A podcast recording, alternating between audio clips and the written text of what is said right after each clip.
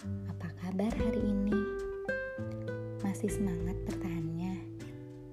Gak apa-apa, kalau masih semangat itu tandanya masih ada hal baik yang layak kita perjuangin.